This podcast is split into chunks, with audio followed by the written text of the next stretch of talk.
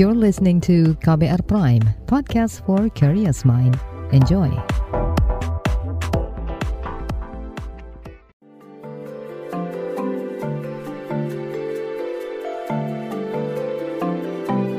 Saga, cerita tentang nama, peristiwa, dan fakta.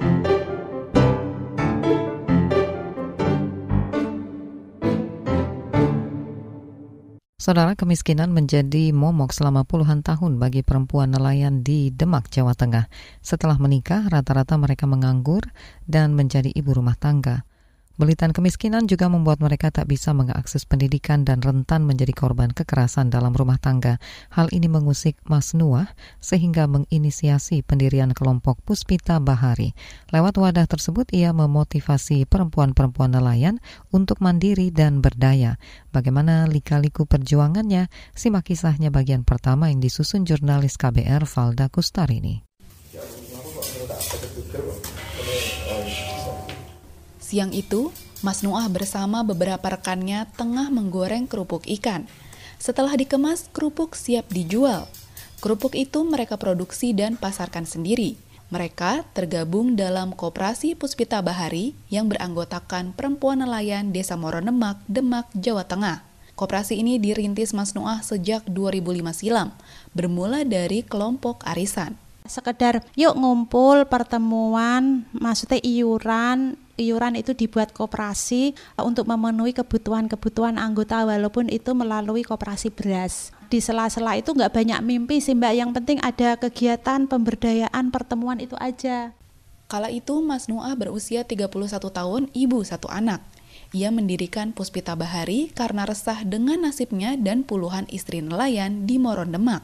Mereka menganggur dan hanya mengandalkan hasil tangkapan ikan suami yang tak seberapa. Saking miskinnya, Puspita Bahari arisan beras untuk meringankan beban para anggota. Situasi ini berkelindan dengan tantangan lain yang membelit perempuan nelayan Moron Demak masalah yang selama ini kondisi perempuan itu tidak diuntungkan dari budaya patriarki, dari aturan-aturan yang memang memperburuk atau memperpuruk kondisi perempuan. Perempuan nggak boleh sekolah karena saya mengalami sendiri. Puspita Bahari lambat laun jadi wadah berbagi dan berdiskusi berbagai hal, mulai dari masalah ekonomi, pendidikan, sampai isu-isu perempuan. Aktivitas ini direspon negatif oleh sebagian warga apa yang dilakukan di gerakan Puspita Bahari itu kami mendapat pelabelan gerakan yang melawan kodrat karena sok-sokan ngajari perempuan berani bicara, berani melapor, berani berorganisasi. Kerasnya tekanan dari masyarakat membuat satu persatu anggota Puspita Bahari mundur.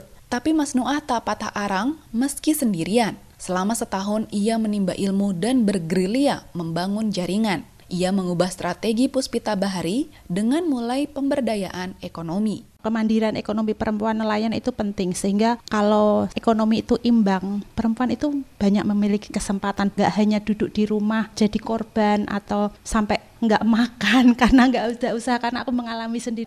Usahanya berbuah hasil. Dukungan pun mengalir. Pada 2009, Puspita Bahari mendapat bantuan pelatihan dan rumah produksi kerupuk ikan dan cumi dari Lembaga Pendamping Usaha Buruh Tani dan Nelayan LPUBTN Semarang.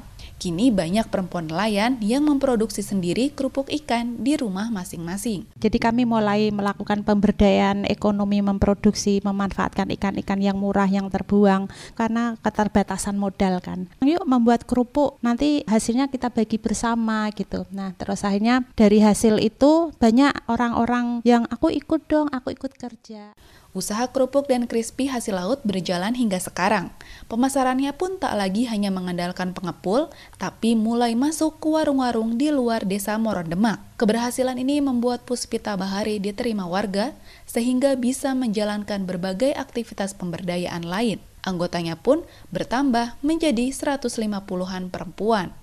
Jadi mentahnya ambil kami, terus goreng disetorkan di rumah makan, di warung-warung, di mie ayam, bakso dan lain sebagainya. Nah sekarang teman-teman ini pada cari pasar sendiri-sendiri. Sekarang yang membuat kerupuk nggak anggota Puspita Bari aja, orang di luar Puspita Bari buat kintal-kintalan karena dibuat oleh-oleh. Saya gabung di Puspita Bari sejak tahun 2010. Waktu itu saya kena KDRT dan saya mencari keadilan itu susah sekali. Dulu saya tidak berani ngomong dan tidak berani melangkah apa pun.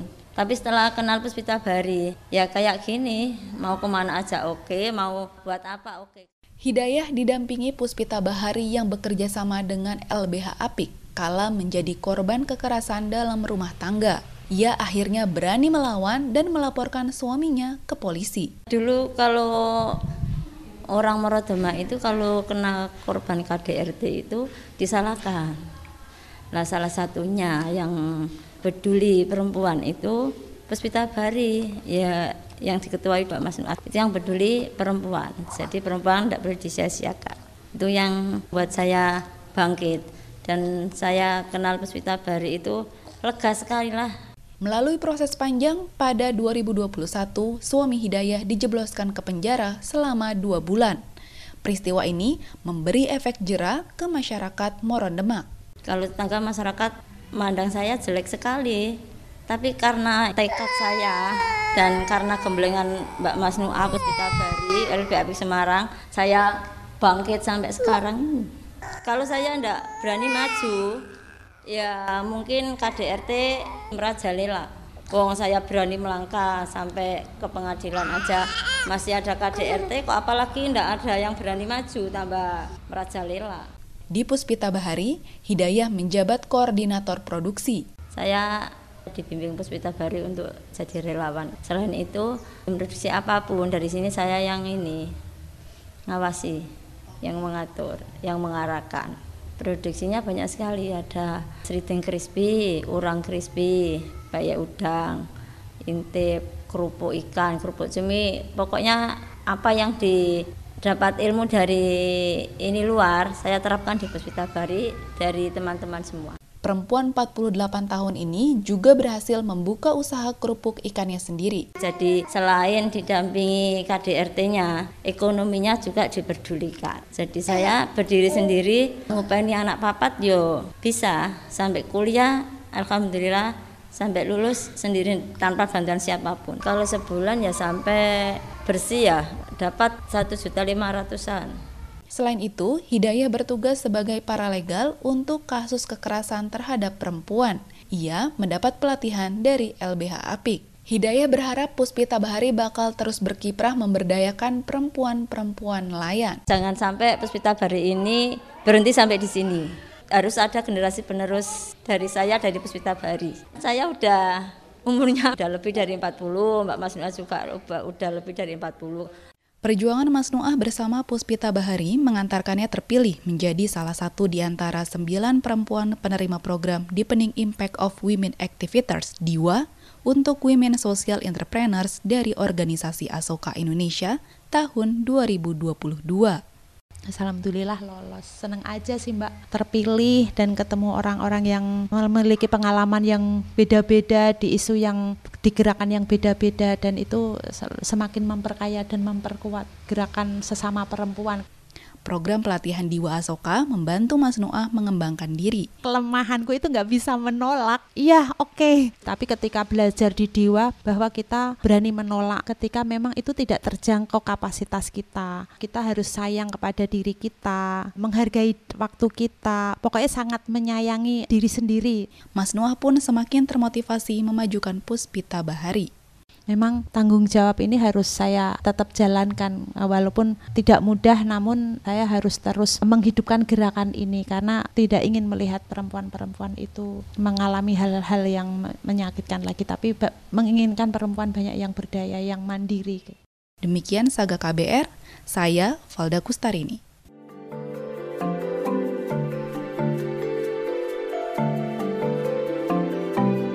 Saga, cerita tentang nama, peristiwa, dan fakta.